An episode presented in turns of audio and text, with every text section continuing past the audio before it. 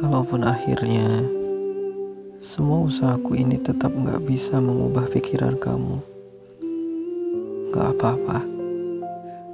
Tapi aku harap kamu gak pernah lupa satu hal penting. Hanya karena kita gak bisa bersama, bukan berarti aku berhenti mencintai kamu.